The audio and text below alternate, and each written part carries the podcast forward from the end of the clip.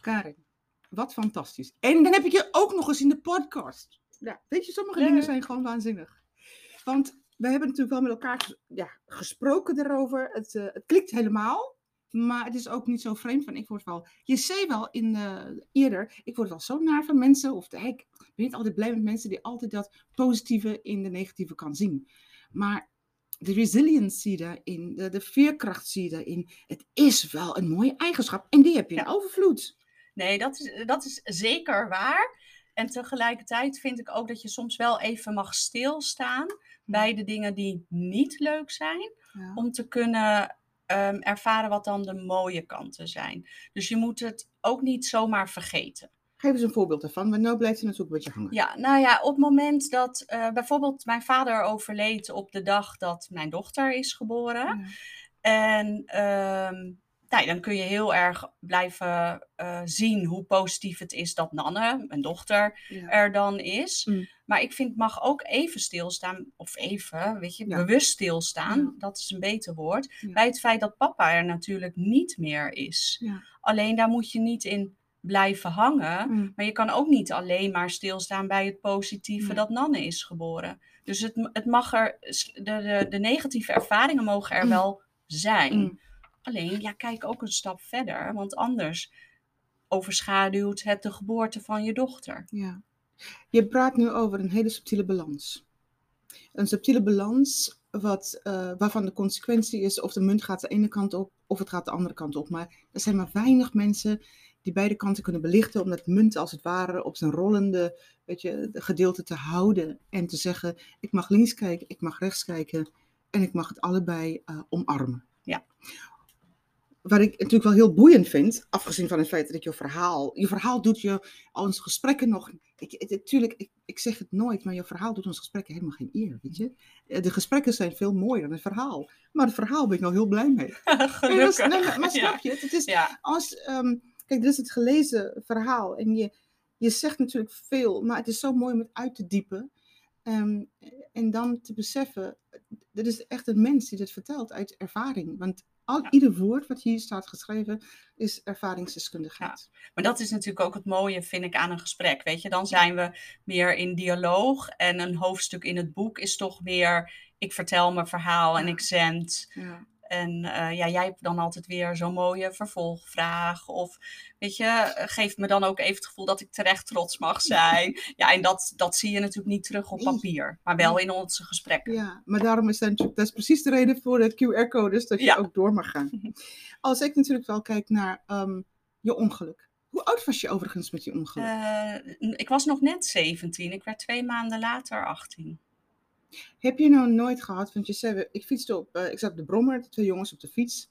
ehm, en ze raakten me lichtjes en je viel en dan komt een vrachtwagen.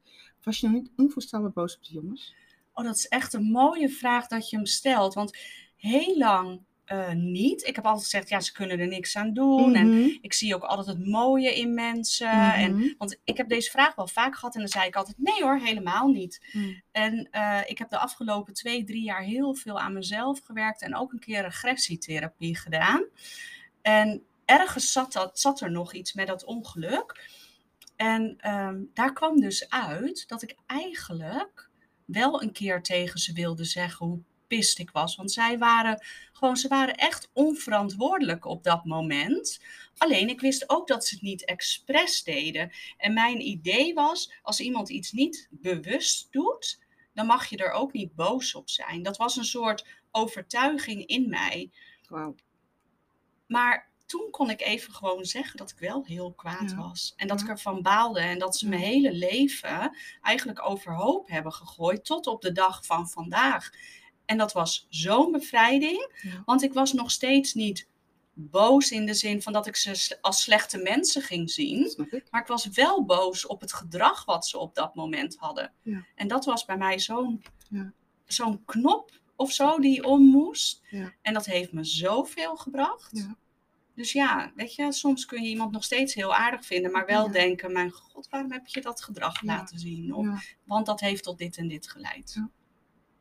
Nou, die vraag stel ik natuurlijk niet voor niks, omdat ik het eigenlijk heel normaal vind dat dat eruit moet. Ehm, want het maakt niet uit hoe mooi een mens je bent, altijd naar binnen keert hè, en het bij jezelf haalt. Oh, het is, ehm, en dan is het ook, daarna is het over. Het is uitgesproken, maar altijd maar bij jezelf houden. Ja, weet je, dit is wel fijn wat je nu net zegt, maar en het is helemaal niet jammer dat je het, eh, dat je het nu pas hebt ontdekt. Nee. Het is fantastisch dat je dat in ieder geval ook kan uiten. Ja, en vooral ook bij mezelf mag ervaren dat je gewoon soms boos mag zijn op een situatie Ja. of zelfs wel eens op een mens, zonder dat je het mooie van de mens niet meer Yes, ziet. yes. En dat heb ik heel lang gehad. Als iemand iets niet bewust doet, dan praat ik het een soort van goed. Mm. Maar dat is ook niet altijd de oplossing. Soms moet je gewoon dat gesprek een keer aangaan, ook met jezelf. Klopt. Misschien wel het meest Vooral met met jezelf. jezelf. Ja. Ja, ja ik, ik hoor hem al. Ik hoor hem al. Ehm, je, je kiest ervoor om een aantal momenten in jouw verhaal te belichten. En die momenten zeggen ontzettend veel over jou in jouw totaliteit, over jouw mens zijn. Het is natuurlijk wel hoe ga je om met zo'n ongeluk, wat brengt het je? Ik heb natuurlijk wel uitgebreid over een interview. En ik zei tegen jou, met de persoon die je bent, maakt niet uit wat je doet. Da- het is een bepaalde manier van doen, wat eigenlijk belangrijker is. En dan kom je natuurlijk op het punt dat eh, is zo'n twist, hè? En jouw vader sterft op haar geboortedag en ze wordt geboren. Waarom, waarom is het, het is, eh, ik wil het niet bagatelliseren, Mhm. maar een ouder die sterft is een natuurlijk proces. Ja. Als een kind sterft, is er geen woorden voor. Nee. Maar waarom kies, waarom, wat voor relatie had jij met je vader, dat dit voor jou echt een no-go was? Te vroeg gegaan. Ja, één, omdat hij letterlijk te vroeg is gegaan, 58, dus eh, super jong. En dan? hij is eh, kanker. Ja, is een jaar eh, ziek geweest. En eigenlijk de laatste maanden van de zwangerschap ging hij heel hard achteruit. Mm, mm, En ik weet nog dat ik dacht dat ik een jongetje kreeg. mm. En dat ik een keer bij mijn vader op bed lag. En dat hij zei: Je krijgt een heel lief meisje. En ik ben er heus nog wel. En toen ging het op het laatst heel hard achteruit. En ik weet nog, ik had een geplande keizersnee, omdat ik door mijn ongeluk niet gewoon mocht bevallen. En dus dat konden ze een week naar voren halen. Mm. Want eh, papa was echt aan het vechten om zijn belofte waar te maken dat hij er zou zijn. En toen lagen we uiteindelijk dus in hetzelfde ziekenhuis. En, eh, nou ja, en ook daar weer, weet je, zo bijzonder in het ziekenhuis. Ik lag eigenlijk op zaal en er was één mevrouw die had echt eh, om een privékamer gevraagd. Mm. Maar die hoorde mijn verhaal en toen zei ze, ze mag mijn kamer. Oh, Weet je, en dan zie je weer de warmte van mensen. ja. En toen ben ik 's ochtends, eh, nou is Nanne dan via de keizersnee geboren. Ja. En toen zijn we om een uur of één nog even naar papa geweest. En toen in de middag zeiden ze nog in het personeel, het personeel zei, zullen we het nog een dag rekken? En toen zeiden mijn moeder en ik, nee, natuurlijk niet, weet je. Het maakt niet uit of hij morgen overlijdt of vandaag. Het verdriet is er toch wel. En, en Nanne die zegt nu wel vaak van, opa en ik hebben van leven geruild. Weet je, en dan denk ik, ja, dus dan is het eigenlijk ja, heel mooi. En dit was een soort van de laatste belofte. En ik weet ook nog wel, mijn vader was iemand die eigenlijk altijd gelijk had. Heel irritant, won ook altijd met spelletjes, ook heel vervelend. Ja. En eh, toen was dus, ik dacht dus, het wordt een jongen, Mm. Keizersnee. Kind wordt eruit gehaald, het is een meisje. En weet je wat ik als eerste dacht? Heeft hij weer gelijk. Oh. Had je dan echt een band met je vader? Eh, ja, op gevoelsniveau. Want mijn vader was niet iemand die ehm, heel erg zijn gevoel uitsprak. In de tijd van het ziekenhuis bijvoorbeeld ook. Het ging echt in het begin heel slecht met mij. En dan zei hij altijd aan de telefoon: Nee hoor, het komt wel goed, maak je niet druk. Weet je, als mensen dan belden en dan zei mijn moeder: Nou, maar dat weten we toch helemaal nog niet. Zei hij: Jawel, komt wel goed. En hij kon bijvoorbeeld toen ik geslaagd was, kon hij niet rechtstreeks tegen mij zeggen wat goed. Maar toen hij dacht dat ik sliep, en dat is voor mij altijd een emotioneel moment hoor. Maar dan, en toen kwam hij bij me zitten en ik sliep niet. Mm. En toen zei hij, ik ben zo trots op je. Oh. En toen dacht dus ja, weet je, dus ik voelde het altijd, Mm. maar hij liet het niet heel vaak zien. Ja. Maar wel tegen anderen. Als het, het- over zijn dochter, Was trots die wel, was. was het wel voldoende voor je? Ja. Ja, hè? Ja, want ik ben zelf ook echt een gevoelsmens. En op het moment dat het gevoel goed is. Ja. Want weet je, er zijn echt wel mensen tegen mij die ook wel hebben gezegd: Oh, je had best een dominante vader en was dat niet lastig? En dan dacht ik: Nou, nee. ja, weet je, omdat ik altijd voelde hoeveel die om mij en het gezin gaf en de tijd die we met elkaar hadden. Dus Ja. Ja, en dan is het helemaal oké. Hoe ben jij nu ehm, met dit gezegde? ehm dit is natuurlijk wel heel uitdagend. Maar ik weet natuurlijk ook wel, je hebt heel veel aan jezelf laten werken en gewerkt en van alles gedaan. En ik, ik snap hem, maar wat voor, wat voor een moeder ben jij? nou, ik denk dat eh, ehm, mijn dochter ehm, mij een lastige moeder vindt. Nee, dat weet ik wel zeker. Ze zegt ook wel eens: Jij verwacht heel veel van mij.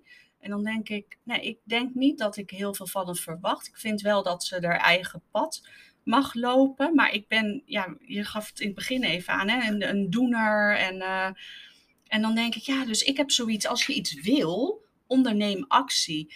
En ik denk dat ik dat onbewust ook wel heel erg naar haar ventileer. Mhm. Van eh, ja, nou ja, weet je, doe er dan wat aan. Bel dan, maak die afspraak. Ehm, en ze is gestopt eh, met school vlak voor haar eindexamen HAVO, want toen Mm. ging het niet lekker. En dat was voor mij echt een stap om dat toe te staan. En toen zei ik ook, het mag, maar je mag niet bij huis gaan hangen. Ja. En toen is ze in de horeca gaan werken en dat doet er supergoed. En ze is Mm. nu, bijna anderhalf jaar later, gaat ze weer met een studie starten. Oh, wauw. Dus ik, denk, ik zie ook wel dat je als moeder moet loslaten Ja. en er dat eigen pad moet kiezen. Mm, mm. Eh, maar ja, dat vind ik ook wel eens lastig. Ja, ik heb wel graag dat ze me op de hoogte houdt. En, dus eh, ja, dus ik, eh, dat is ook wel waar ik, waar ik zelf aan moet eh, werken. En het leuke was wel dat mijn bedrijf is ongeveer even oud als zeg maar Oh. Nanne. Ja. Mhm. datzelfde zag ik terug in mijn relatie met Nanne. Mm. Dus toewerken, ze is nu net 18. Weet je, toewerken naar zo'n volwassen leeftijd. Ja, daar zitten gewoon heel veel fases in die terugkomen. Ja, maar ik denk, eh, ja, ik ben wel een hele lieve, hebbende, liefhebbende moeder. En, eh, Mm. Maar ja, ik kan me wel voorstellen dat ze soms het gevoel heeft. eh, nou, mam, eh, hou je mond maar eens even. Of laat me nou maar, laat me Ja. mijn eigen fouten maken. Mm. En ik was heel saai als puber. En dat, als je mijn moeder ook vraagt hoe was Karin als puber, zegt ze altijd Mm. zo saai. Oh, echt? Ja, echt lief hè. Nee, ik hou heel veel van mijn moeder. Maar dat, ja, dat zegt ze ook altijd. Maar dat was, ik was natuurlijk, eerst had ik dat ongeluk en toen ging ik naar de HEO. En Ja. dan zit je nog steeds in een soort revalidatie en weer school. En ik was gewoon niet zo'n uitgaanstype. Mijn dochter Hmm. is heel anders. Dus als ik daar dan wat van zeg, zegt ze... Maar oma zegt ook dat jij heel saai was. Dus jij weet niet hoe het is. Vreselijk, alsof je niks hebt ervaren in het leven. Ja, Ik precies. snap het, ik snap het. Maar dat is natuurlijk niet waar. Want dus het leven, plezier in het leven kent zoveel manieren. Eens. Dat, dat er geen ene manier is om dat te beleven. Nee, want ik vind mijn leven verre van saai, kan ik je Ja, vertellen. dat kan ik me heel goed voorstellen. Als je, als je dat, dat zegt, hè, ik vind mijn leven verre van saai. ehm, jouw persoon maakt jou interessant. Hè, want eh, de evenementen ken ik nog niet zo, behalve een aantal. Maar wat, welke, welke situatie was echt een, eh, een humoristische situatie waar je dacht van, oh, dit ben ik, dit ben ik ten voeten uit. Oh, wat een moeilijke vraag. Ehm. Nou, weet je wat wel grappig is? Ik heb een ehm eh, Hindoestaans-Surinaamse eh, vriendin. En, ehm, en ik vind dat altijd wel leuk als dan mijn moeder dus zegt dat ik zo saai ben. Maar waar ik heel erg van hou, is dansen. Ja. Ik vind dansen Hmm. echt zo fijn. Daar kun je je uiten. En, eh, en ik weet nog dat die vriendin Rita, die was bij mij op kantoor. En wij lunchten altijd met het Hmm. hele team. Hmm. En eh, toen ehm, was een andere collega die eh, ging binnenkort trouwen. Mm. En eh, kwam ook uit een Surinaamse achtergrond. En toen zei Rita: Oh jongens, nou, maar dan gaan jullie Karin zien dansen. Mm. En dat is zo sexy. En ik weet nog dat mijn hele team. die vielen gewoon een soort van stil. Want die. Weet je, die hoorden ook geen losbandige verhalen Nee. van mij. Of weet je, gewoon, ik, ik, ik leefde mijn leven. En Ja. nou, die hadden echt zoiets, dat is niet waar. Weet je, dat kan helemaal niet. Maar toen hadden we het feestje. En toen zeiden ze later, Rita had wel gelijk. maar die hoofden, echt Ja, waar. Alsof al die monden te plekken open vielen. En dat ze dachten, nee, niet Karin. Karin, Ja. alles behalve Karin. Alles behalve Oh, Karin. fantastisch. Het is natuurlijk wel heel erg mooi als je zo'n vraag stelt. En het eerste wat in je opkomt is dat, weet je wel? Ja. Ja, dat vind ik briljant. Ja, Maar ik ga natuurlijk wel weer terug naar een hele andere aspect van jou. Want blijkbaar ben je in staat om een bedrijf groot te maken, te laten groeien. Je verkoopt het aan een multinational. En dan neem je ook nog eens een, een functie terug. En tegelijkertijd eh, is het afgelopen, of tegelijkertijd dan is het afgelopen. En het rommelt niet, of het rammelt niet aan jouw identiteit. Nee, helemaal niet. Nee, misschien zelfs wel in tegenstelling. Het was een hele mooie bevestiging van mijn identiteit, omdat door het verkopen van, van Yellow aan Clarity ehm, wist ik dat ik het team wat ik had opgebouwd eigenlijk nog een nog mooier toekomstperspectief kon Ja. bieden. Ja. Ik heb een team echt opgebouwd van mensen die net van school kwamen of uit andere eh, beroepen kwamen. Om Mm. echt met hen te kijken naar waar zitten hun talenten. Maar in een heel klein bureau. Ja. ehm, weet je, is er altijd een plafond. En vaak is dat plafond de directeur, in dit geval Karin, Precies. die daar zit. Terwijl toen, ik, toen we dus internationaal gingen, Mhm. ja, dan kun je dus ook ineens tegen je team zeggen van jongens, weet je, Nederland is niet de grens of het plafond. Jullie kunnen naar Engeland of naar Amerika. Of als we andere landen erbij krijgen, kan je daar naartoe.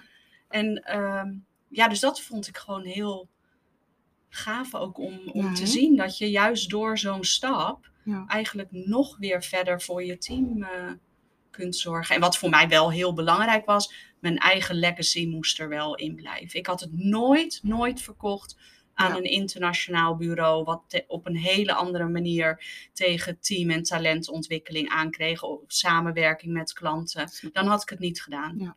Nee, dat begrijp ik. Want dat is natuurlijk wel, dat is wat je erin hebt gelegd. Ja. Ja, dat was mijn kindje, weet je. Ja. Dat was gewoon mijn, nou ja, letterlijk mijn legacy, Ja. wat ik niet op wilde geven. En dat er dingen veranderen, logisch. Absoluut. eh, maar eh, ja, de, de basis Ja. moet wel blijven staan. Nou vraag ik me natuurlijk wel af, hè. Ehm, dit is, ik hoor, als ik met mannen praat, dan, dan hebben ze altijd de neiging om te zeggen, ah, ik wil mensen aannemen en ik wil groeien en ik wil groter worden. Maar dat is niet altijd iets wat bij, bij vrouwen ontstaan. Zij kiezen ervoor om te zeggen, nou, ik wil vooral klein blijven, persoonlijk blijven. Alsof, alsof er tegenstellingen zijn, alsof ze niet samen kunnen gaan, alsof er een soort, eh, soort, soort remming is. Ja. Welke eigenschappen Ehm, want dit weet je natuurlijk wel. Welke eigenschappen had jij nodig daarvoor om te zeggen: Ik wil de ander ook erbij betrekken in het plezier wat ik beleef? Want dat is eigenlijk wat je zegt. Ja, ja, want ik herken het wel hoor. Ik wilde ook niet groeien om het groeien. Ik wilde groeien vanuit ehm, ja, de verbinding en het Mm. talent en het, Mm. het ook wel het persoonlijk eh, Ja. houden. Ja. Ja, en de eigenschappen. Ja, het is toch wel echt achter de mens kunnen en willen kijken ook. Dus continu de gesprekken aangaan, ook de Mm. moeilijke gesprekken. Mm. Ehm, en dat is denk ik voor ons hele team wel de grootste uitdaging ook geweest. Want hoe gaaf ons team ook altijd is geweest. Ook wij hebben natuurlijk eh, eh, moeilijke momenten gehad. Omdat het zakelijk een keer minder ging. Of Ja. omdat je een lastige klant hebt. Of omdat het toch tussen twee collega's niet, niet klikt. Ja. En dan gaat het er wel om dat je zo'n veilige omgeving creëert Mm. dat je continu met elkaar dat gesprek aan durft te gaan. En volgens mij is dat de belangrijkste eigenschap: dat je open staat voor de ander en zonder oordeel met elkaar in gesprek durft te gaan. Ja. Niet dat je al van tevoren weet hoe het allemaal. Je plant het al een beetje in je hoofd. En dat je Ja, of dat je al hebt bedacht waarom Ja. iemand zo deed. Ja. Of ervan uitgaan dat iemand jou niet aardig vindt en yes. daarom zo deed. Dus wij hadden bijvoorbeeld begonnen iedere ochtend even met een hele snelle check-in. Ja. Ehm, en dan hoefde je eh, niet tot in detail te delen hoe het Mm. met je was. Mm, mm, Maar soms eh, is het wel fijn dat je zegt: Ik heb slecht geslapen. Of ik had vanochtend ruzie met mijn vriend. En eh, dus ik ben niet zo gezellig. Maar als ik dus een beetje kattig reageer, dan komt het niet omdat ik jou niet leuk vind, maar ik zit gewoon niet lekker in mijn vel. Ja. En soms zei iemand alleen maar: Sorry, ik ben vandaag zagrijnig, dus let maar niet op mij. ja. En dat je dat accepteert. Accepteert. En dat was prima. En als iemand dan nog iets meer over wilde weten, kon je het vragen. Ja. Als iemand er niet over wilde praten, kon die zeggen: Ja. Laat maar even. En die ruimte moet er wel zijn. Ja. En dan is het ook natuurlijk wel een prettige plek. Want dan kan ik, dan kan ik ook een deel van mezelf meenemen. Ja. Hoeft niet alles van mezelf, maar een deel van mezelf ook kenbaar maken. Ja, en, en dat is ook altijd wat we terugkregen van klanten. Dat ze zeiden van, we hebben altijd het gevoel dat jullie er ook voor mij als persoon zijn. en Oh, dat jullie iets van jou laten zien en dat ik Ja. iets van mezelf kan laten Ja. zien. Terwijl, want ik bedoel, er zijn duizend en één goede PR-bureaus in Nederland en in de wereld. Ja, Maar het verschil zit hem in hoe je als mensen met elkaar omgaat. precies. Maar ik denk dat het altijd het verschil maakt. Ja. Weet je, mensen, er zijn wel de, de grootste goeroes worden altijd gevraagd. Dat is altijd merkwaardig. Hoe komt het dat jij succesvol bent? En dan denk ik, wat jammer dat je het aan de grote goeroe vraagt. Je kan het net zo goed vragen aan iemand met, met tien mensen of vijf mensen Ja. in dienst. Want het principe is precies hetzelfde. En deze mensen hier moeten nog meer moeite doen. Ja, eens. En het gaat echt om het verzamelen van die mensen om je heen, met wie je nou, zo'n reis ook aandurft. Ja. En die dat ook willen. Ik zei ook altijd, weet je, bij mij hoefde niemand een onwijze ambitie te hebben om te groeien in eh, eh, functieniveaus.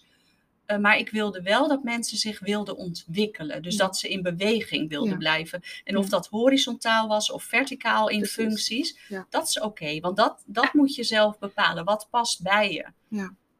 Nee, dat besef ik absoluut. Dat is ook wel mooi om te weten dat mensen daar bewust over na mogen denken. Wat past bij mij? Want heel vaak, tenminste, als ik, als, zie ik dat dingen een beetje vanzelf gaan. En die bewuste keuzes worden eigenlijk nooit gemaakt. Nee. Er wordt niet eens eh, eh, een rondje gemaakt om de rotonde, weet je. Daar wordt gewoon de volgende afslag wordt genomen. Zonder te denken van, oh, er zijn ook nog andere Ja. afslaagmogelijkheden. Ja, en daarvoor moet je soms even durven onthaasten en Ja. even een stapje terug durven doen. Ja, letterlijk. ehm, ik vind, eh ja, het is een, een mooi fenomeen, maar misschien af en toe een sabbatical van een paar maanden. Misschien gewoon even pas op de plaats. Ja. Het is niet het geld wat belangrijk is. Helemaal eens. Je kan met veel minder rond dan Yes. dat je denkt. Nou, dat is natuurlijk wel meteen ook de volgende, want inmiddels heb jij, ik hoor heel veel ondernemers van grote organisaties die zeggen van, ach, wat zou ik het fijn vinden om weer terug te gaan, om zelf eh, de adviseur te zijn. En dat bedrijf, eh, nou vaak leggen ze dat in handen van een ander, maar dat zij dat, die verantwoordelijkheid niet meer zo hebben. En je hebt dat gedaan. Ja, Jij, je, je geeft Yellow een plek en je kiest ervoor om verder te gaan. Neemt dat niks weg van jouw statusgevoel? nee, verre van. Eigenlijk maakte het me nog veel trotser. Al neemt soms de buitenwereld, die, die kijken naar je cv of naar je verhaal en dan zeggen ze, maar dus je bent geen directeur meer? En ik heb nu een hele gave opdracht bij een maatschappelijke Mhm. organisatie en daar ben ik Mhm. manager communicatie. Ja. En dan zeggen mensen zeg mij, oh, je was toch directeur en ben je nu maar manager? En dan denk ik, nu maar manager? ja. Weet je, één, het is een functienaam. Yes. En ik doe het met zo ontzettend veel plezier. Het is, ik ben exact aan het doen wat ik wil, Ja. zonder, want dat was voor mij een hele belangrijke reden. Voor mij eh, woog de verantwoordelijkheid van 12 man salaris woog echt heel zwaar. En ik merkte op een gegeven moment dat ik dus weer alleen maar voor anderen aan het zorgen was. Yes. En nu zorg ik voor mezelf. Ja. En tuurlijk, weet je, doordat ik ook met een ondernemersblik in een organisatie rondkijk, zie ik misschien andere dingen. Ja. Maar nu loop ik bij HR naar binnen of bij de directeur-bestuurder. En dan Ja. geef ik aan van hé, hey, ik zie dit en dit. Yes. En dan is het niet alleen aan mij, want ik vind dat je als collega's heb je altijd een verantwoordelijkheid om met elkaar aan de slag te gaan. Mm, mm, mm. Maar je hoeft het niet meer alleen op te lossen. Nee, maar, maar dat is ook nooit de bedoeling. Nee, Van dat, is een, eh, dat is zo jammer dat je denkt dat je het alleen moet doen of de enige wetende moet zijn. Want Ja. anders is het een soort van, oh ik weet het niet, ehm, dan ben ik niet goed genoeg. Maar dat is helemaal niet waar. Nee, dat is echt niet waar. Nee, en ik heb echt helemaal niets met status. Want als ik nu, ehm, weet je, wij, eh, ik was laatst op een oudere diner. Zat ik met een 101-jarige dame te praten. En toen dacht ik, nou, als ik de hele dag alleen maar dit soort diners en lunches mag organiseren en zulke mooie gesprekken mag voeren, doe ik het ook. Ja. Ja, dat is, kijk, eh, voor je netwerk hoef je het niet te doen met haar, maar het doet iets met je mens zijn. Ja, met het mens zijn, dat En is het. Dat is, dat is natuurlijk wel, de, ja, dat, dat geeft zoveel bevrediging. Ja. Het, is, het gaat boven de status en de ego uit. Helemaal waar. Vreselijk dat ik dat ook weet van je. Ehm, wat ik zo mooi vind is ehm, er, er buiten uitstegend. Ehm jouw jou, jou, jou, jouw status, of je, nee, jouw identiteit niet gekoppeld aan dat wat je doet. Als mensen dat vaker zo doen, ehm, zouden zij veel mooiere dingen kunnen bereiken. Ja, en dan zou de wereld er een heel stuk beetje Zo. mooier uitzien. Zo, oh ja, Ja. Daar, waren we, daar waren we nog niet beland, maar dat wereldthema gaan we ook vandaag niet pakken. Want dat is, eh, dan zijn we nog drie dagen bezig. En waarschijnlijk zeggen we hele zinnige dingen Ja. die niemand op gaat Nee, volgen. nee, helemaal waar. Ehm, wat ik natuurlijk wel heel onwijs leuk vind, is, ehm, je zegt ook een stip op de horizon. Ik heb een stip de horizon Ja. en eh, die ga ik behalen.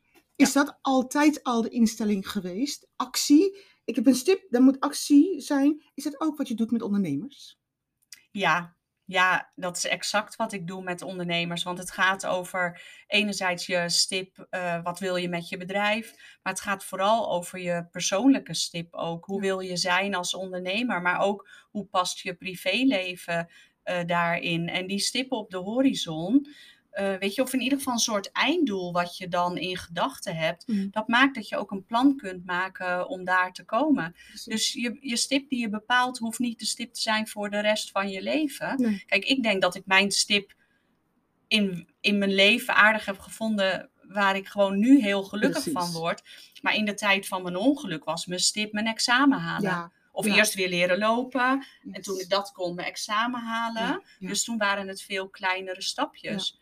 Maar nu is mijn stip, ja, mensen en teams en ondernemers helpen ontwikkelen, helpen groeien. Om te kijken van, ja, hoe pak ik regie over mijn leven? Hoe, hoe word ik echt gelukkig in het leven dat ik leid?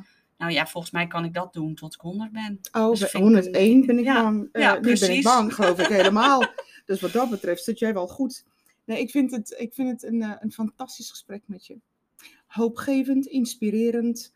Ehm, en dat mensen ook, ehm, dit wil ik eigenlijk wel echt adresseren. Zonder actie gebeurt er niks. Eh, Helemaal waar. Ehm, ik ontmoet natuurlijk wel veel vrouwen die in hun hoofd zitten. Die verbeelden zich van alles daar. Er gebeurt schijnbaar van alles.